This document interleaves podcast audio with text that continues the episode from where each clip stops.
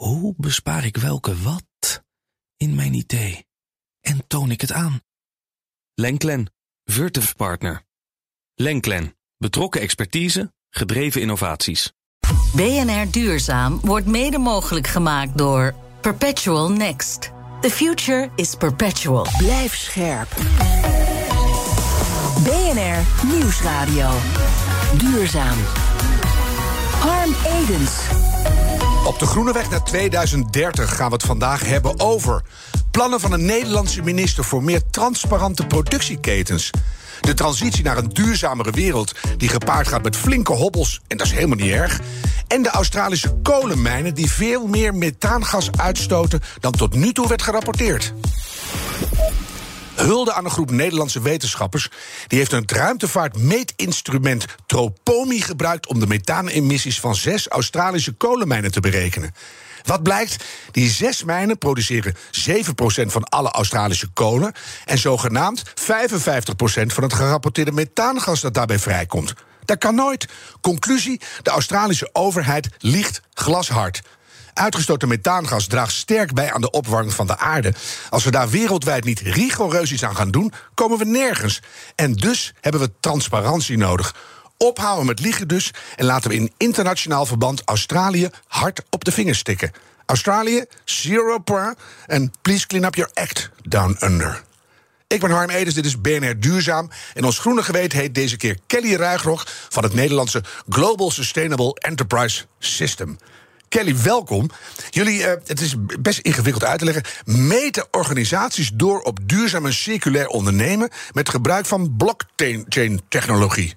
Ja, klopt. Dankjewel, Harm, voor de uitnodiging. Ja, maar leg het meteen maar uit ook. Ja, dat is goed. Het Global Sustainable Enterprise System is eigenlijk een platform... wat alle bestaande frameworks en certificaten en labels bij elkaar voegt. Dus internationaal heb je heel veel certificaten, labels, meetinstrumenten. Groen dingetje hier, dingetje daar. Precies. Stickertje hier, stickertje daar. Al die stickertjes die voegen we eigenlijk samen in één platform.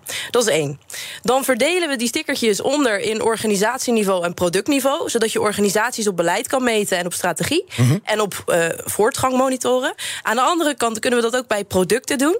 En die data die wordt eigenlijk door de productleveranciers of door de bedrijven zelf ingeklopt. Die beantwoorden vragenlijsten, die uploaden certificaten en bewijslast. Mm -hmm. Vervolgens wordt dat nagekeken door een certificerende instelling slash auditor. En dan krijgen ze een score in het platform. Dus je moet het zo zien: je hebt Dun Bradstreet of Graydon. Wij zijn eigenlijk de Dun Bradstreet van de wereld van duurzaamheid. Ja, dus je kan je bedrijf gewoon aanmelden en dan ga je door de molen, om het maar even heel uh, uh, plastisch te zeggen. En, en dan komt er een score uit. Ja, absoluut. En willen bedrijven dat graag? Nou, nu wel. In het begin was het nogal uh, lobbyen om dat voor elkaar te krijgen. Nu hebben we heel veel bedrijven die het voor zichzelf gebruiken, maar ook voor hun supply chain. Om al die ketens transparant te maken. Mm -hmm. En nou ja, dat zijn banken, verzekeraars, maar ook bouwbedrijven, textielbedrijven, verpakkingsbedrijven. En dat doen we eigenlijk nu niet alleen maar in Nederland, want de ketens gaan natuurlijk over de grens. Ja. Dus we doen dit eigenlijk nu meer in, of in meer dan 110 landen. Zo. Ja. Dat is enorm. Maar dan kan je je voorstellen dat een bedrijf dat het hier in Nederland groen doet, maar de keten niet, daarmee die keten kan verplichten van jongens, mijn score is niet goed omdat jullie niet goed zijn. Ja, en dat is ook precies wat er gebeurt. Als je dan kijkt naar bedrijven zoals een Unive-verzekeringen of een ABN Amro-bank, dat is precies de strategie en de propositie die we aanbieden om daarmee te helpen. Ja. En dan, kan je, dan heb je dus een, een mooi Nederlands breekijzer om de boel te verduurzamen. Ja, eigenlijk wel. Ja. Mooi. Hey, het nieuws waar jij deze uitzending mee wil beginnen gaat over een besluit van demissionair minister voor Buitenlandse Handel en Ontwikkelingssamenwerking Ton de Bruin. Laten we even luisteren.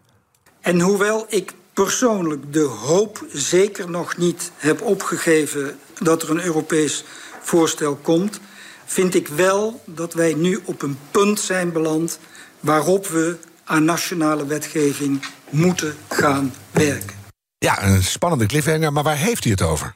Nou, um, minister De Bruin, ik heb hem toevallig een maand geleden gezien. Uh, je mag Ton zeggen. Tom, ja.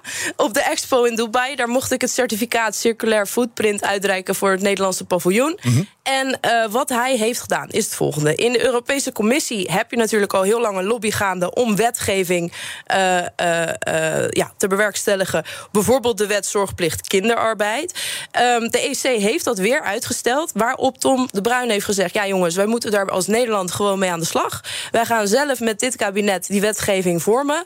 En om drie redenen. Eén, om de druk richting Europese Commissie op te voeren. Twee, als de EC dan toch met een voorstel komt, hebben wij geen tijd verloren als Nederland. En drie, die wet zorgplicht kinderarbeid vindt hij niet langer houdbaar dat het een wet is, uh, uh, dat die wet is aangenomen, maar niet wordt uitgevoerd. Mm. Zeg maar. Dus en dat geldt ook voor andere duurzame wetgevingen. Precies. Hij zegt ja. niet meer wachten op Europa, wij gaan voorop lopen eigenlijk. Ja, dus dan kunnen we eigenlijk als Nederland het boegbeeld zijn van hoe het nou eigenlijk moet. En dan hopen we natuurlijk dat Europa daar meegaat. Ja. Nou is hij wel demissionair, dus uh, even, even snel er doorheen duwen. Kan dat nog? Ik hoop het wel. Even een klein applausje voor Tom. Ja. Dankjewel, Tom. En gewoon even zorgen dat het doorgaat. Hè. Kelly, jij blijft de hele uitzending zitten. Want we gaan uh, zo met een heuse hoogleraar spreken. En uh, als je wat wil zeggen, voeg iets toe. BNR Duurzaam. We staan aan de vooravond van een systeemomwenteling.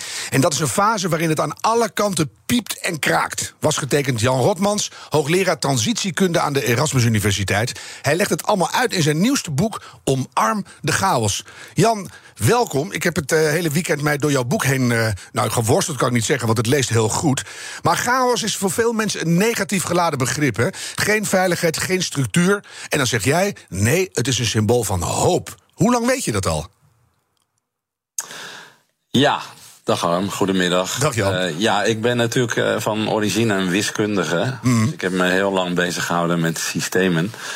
Uh, die hebben chaos nodig. Een, een systeem wil het liefst in evenwicht zijn. Dat kost ook het minste energie. Maar dan verandert de omgeving. En dan moet zo'n systeem daarin mee. Of niet, maar dan sterft het af. En dan komt het in een chaosperiode. Dat duurt relatief kort. Maar dat kan, als je het doorvertaalt naar de samenleving of economie, wel 10, 15, 20 jaar duren. Mm -hmm. En in zo'n periode van chaos ligt alles weer open. Dus voor een systeem is chaos nodig en een soort opluchting. Want dan kan het dus bewegen naar een nieuw, ja, dat noemen wij attractor in de systeemleer, een nieuw aantrekkingspunt.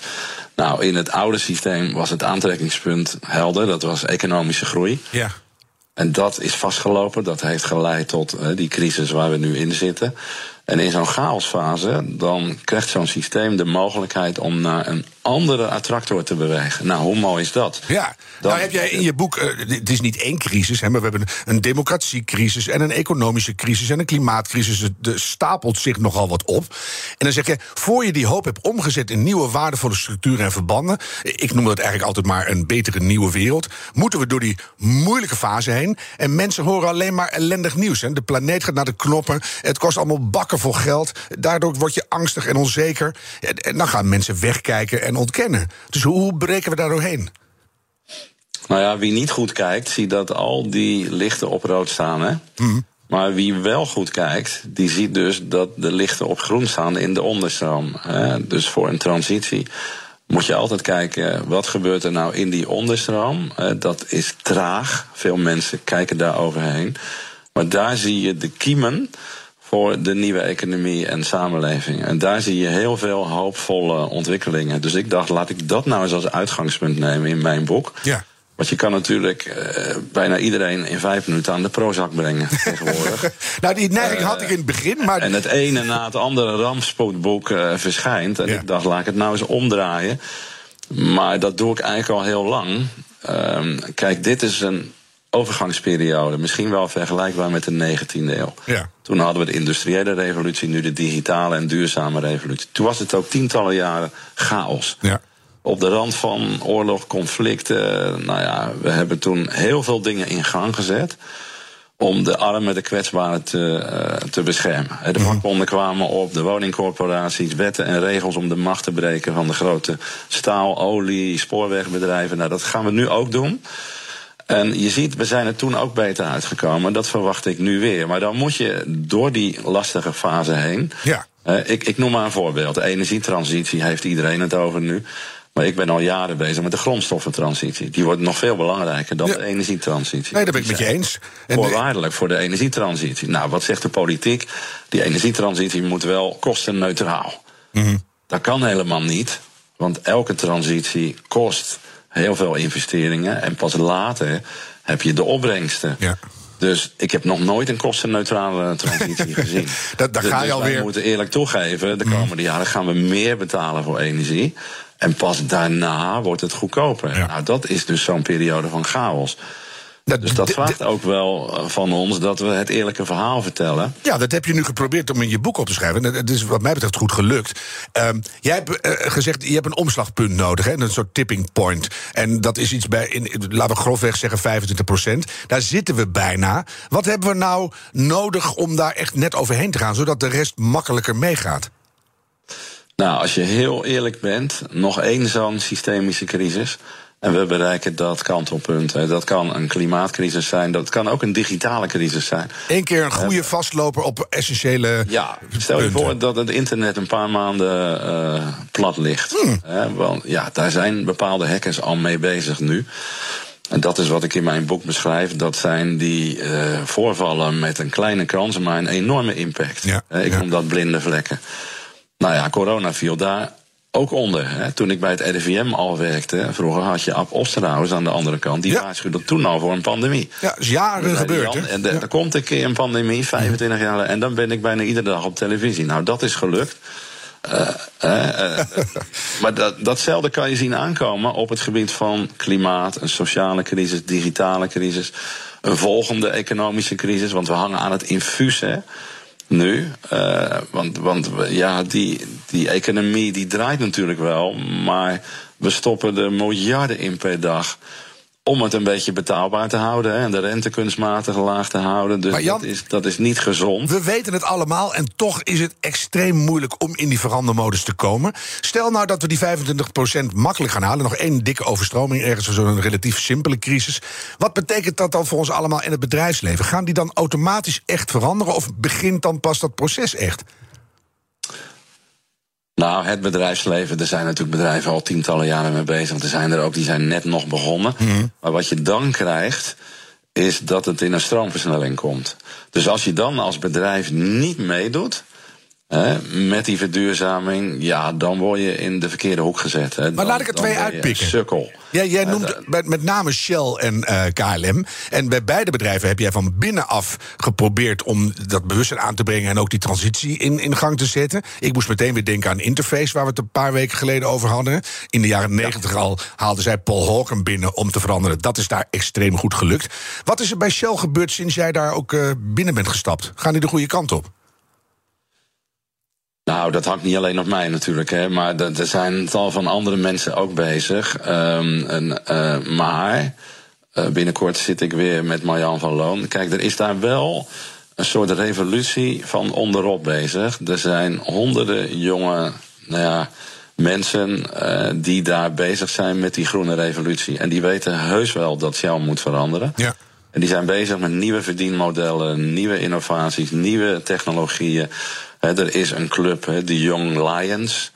Nou ja, en die leven bij wijze van spreken duurzamer dan jij en ik. die zijn er heel bewust mee bezig. Ja. Ik was ook aangenaam verrast dat er zoveel mensen binnen Shell al bewust mee bezig zijn in hun eigen leven. Ja, ik hoor dat ook steeds, uit steeds meer hoeken en gaten komen. Hier tegenover mij zit Kelly, die zit enorm te gebaren van... ik wil iets vragen aan Jan. Kelly, wat wil je weten? Ja, Jan, terug naar die 25 procent. Dat is 25 procent van de mensen wereldwijd die je mee moet nemen... om die transitie te gaan versnellen. Daar ja, dat is, dat is gewoon een feit. Wat ik denk is dat het heel belangrijk is dat die mensen op de juiste plekken zitten. Dus zoals jij nu zegt met Shell, je hebt heel veel mensen binnen de organisatie die wel willen versnellen en willen veranderen. Dan nemen die mensen de organisatie mee. Maar ik denk ook dat als de mensen, dus gewoon de burgers, de consumenten, de vragen op de juiste plekken gaan stellen en iets meer kennis krijgen en echte data krijgen van hoe het nou in elkaar zit, dat zij dan ook kunnen versnellen. Hoe sta jij daar, daarin? Ja, mooi gezegd. En, en dat is ook de kern van mijn boek. Uh, als je naar een transitie krijgt, heb je grofweg drie knoppen waar je aan kan draaien. Politiek via beleid, bedrijven via innovaties en mensen. En wij vergeten dat laatste. En ik zeg dus in mijn boek, wij hebben veel meer veranderkracht en macht dan wij denken. Wij mensen lijden aan de illusie van machteloosheid. Paul Polman zei al toen hij nog CEO was van Unilever: een willekeurige groep burgers kan ons bedrijf binnen 24 uur platleggen. Ja. Uh, kijk naar wat Urgenda heeft gedaan met de rechtszaak.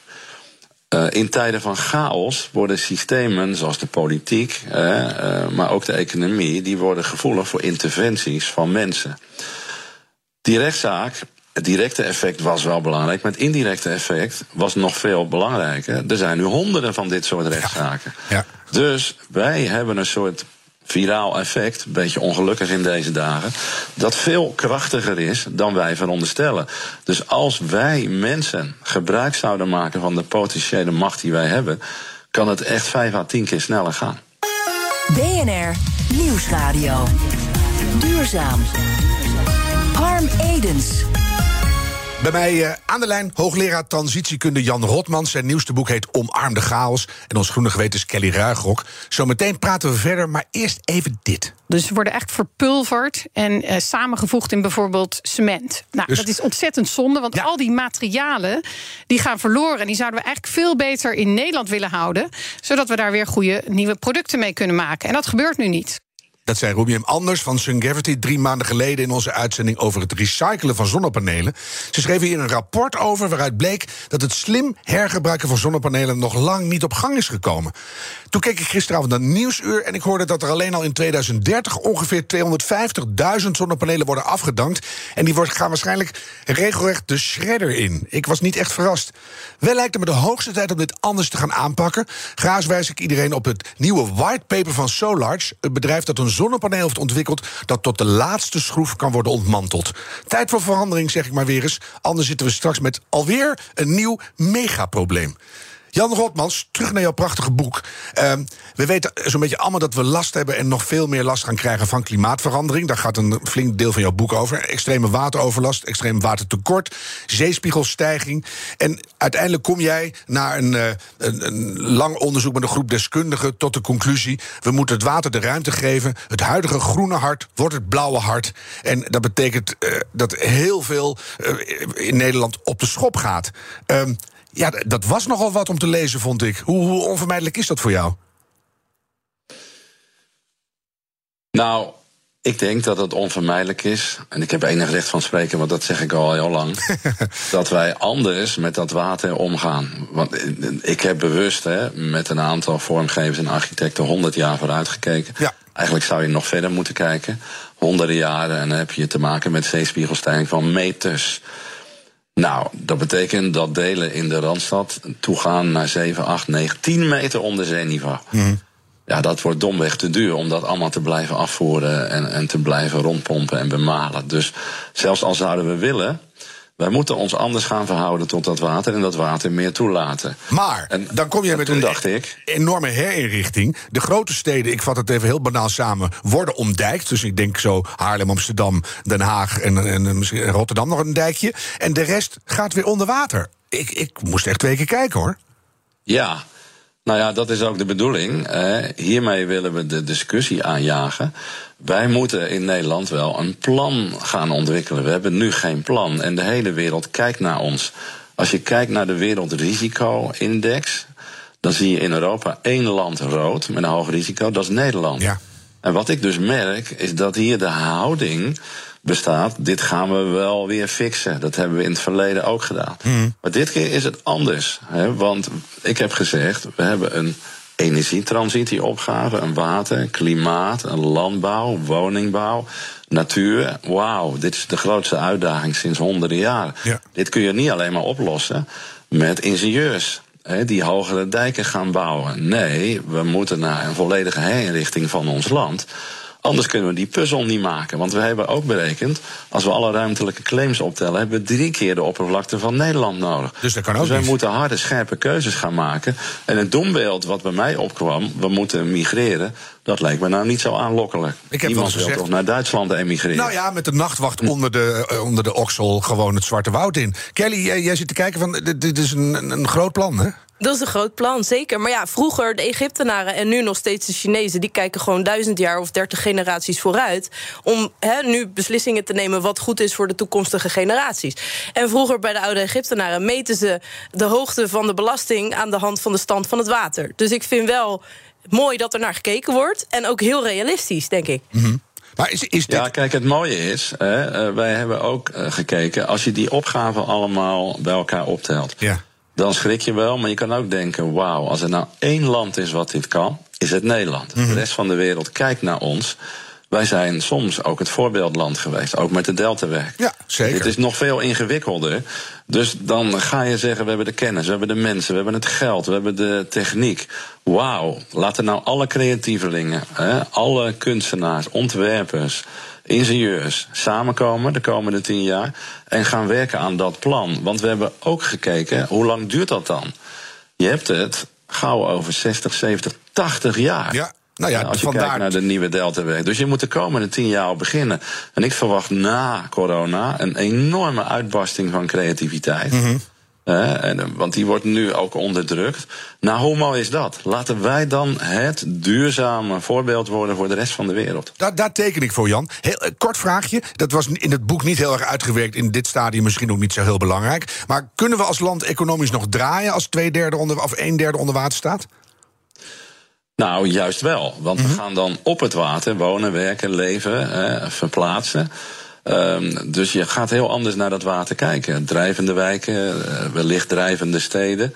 Dus dat water zit niet in de weg.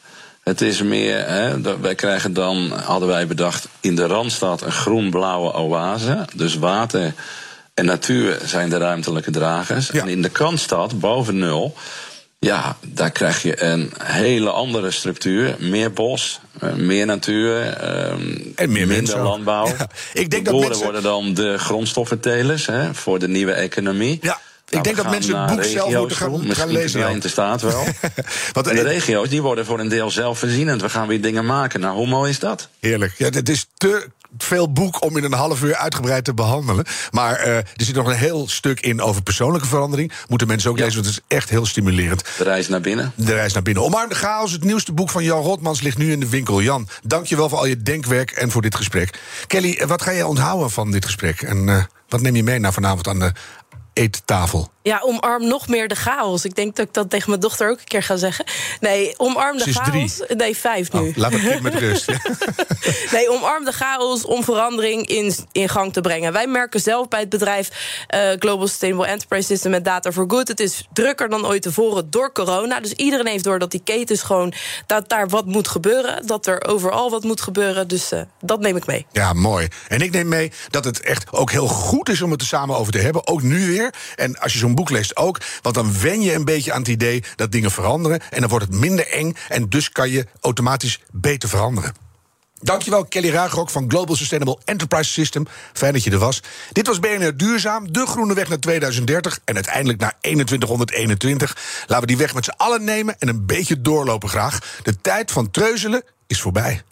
BNR Duurzaam wordt mede mogelijk gemaakt door Perpetual Next. The future is perpetual.